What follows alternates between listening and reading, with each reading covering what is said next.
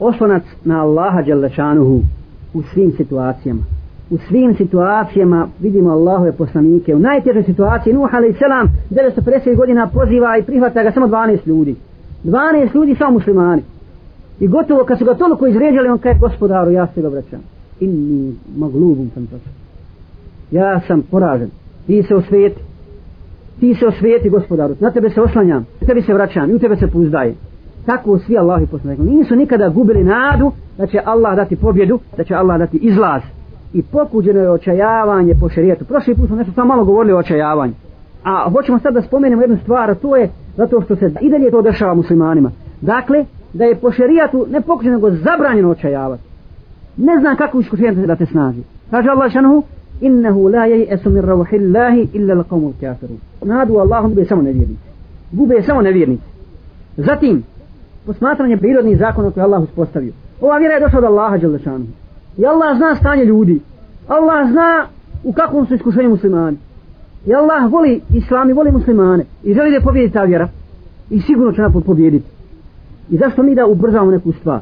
Onda, to samo moramo posmatrati ulogu ummeta. Jesmo mi odradili svoju ulogu. Kako treba. Allah kaže smo mi svjedoci na sudnjem danu drugim narodima. Ali je poslanik sve protiv nas. Hoće to biti tako ili će samo poslanik sjedio protiv nas? Zbog toga što mi nismo odradili svoj posao kako treba. Zatim, nekada loše stvari koje mi vidimo lošim u vanjštini, u suštini su dobre. Budu dobre za islam. Suraka ibn Malik je posao da ubije poslanika, sallallahu alaihi wa sallam. Ima ovamo nagradu, ima hiljadu deva ili stotinu deva, nije bitno.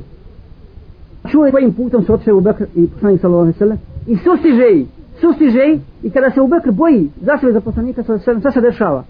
Propadanje konja surakinog, kad se spasio prihvata islam i početkom dana biva neprijatelj poslaniku, želi da ga ubije, a krajem dana vraća se i odbija sve one koji su pošli tim putem i kaže im nema nikakvog traga, nisam je vidio i tako dalje. Tako da je to bio spas za njih. A kad su ga vidjeli, misli su da je to loše za njih. Marijem, radijallahu ta'ala anha, kada je zatrudnila, bez da je rodirno muškarac, vidjela stomak kod sebe.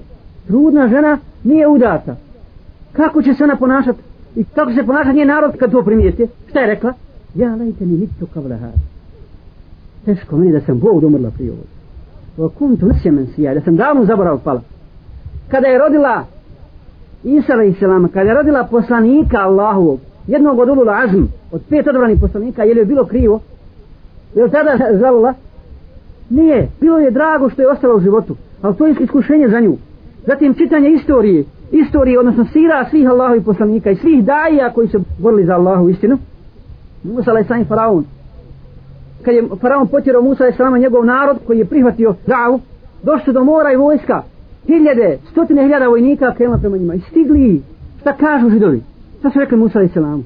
Bili smo ponižavani, evo sad ponovo. I gore, i gore, sad će nam se ovaj sa svojom vojskom svi upubijati. Zakaj Musa alaih sami?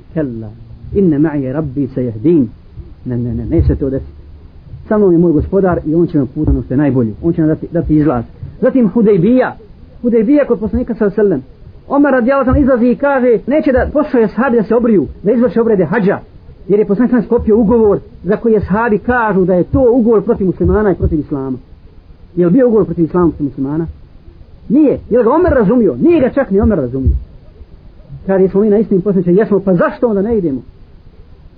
Pa ako smo na istini, ne moramo sad odmah krenuti. Ne moram, neće ljudi da prihvati. Ne daju nam. Ove godine je poniženi bi stavati dok u Kjabi. Iduće godine, ako Bog daje to ugod u osvajanje Mekke, pa ćemo mi ponosno ući u Mekku i, i stavati. Situacija treba da sazrije.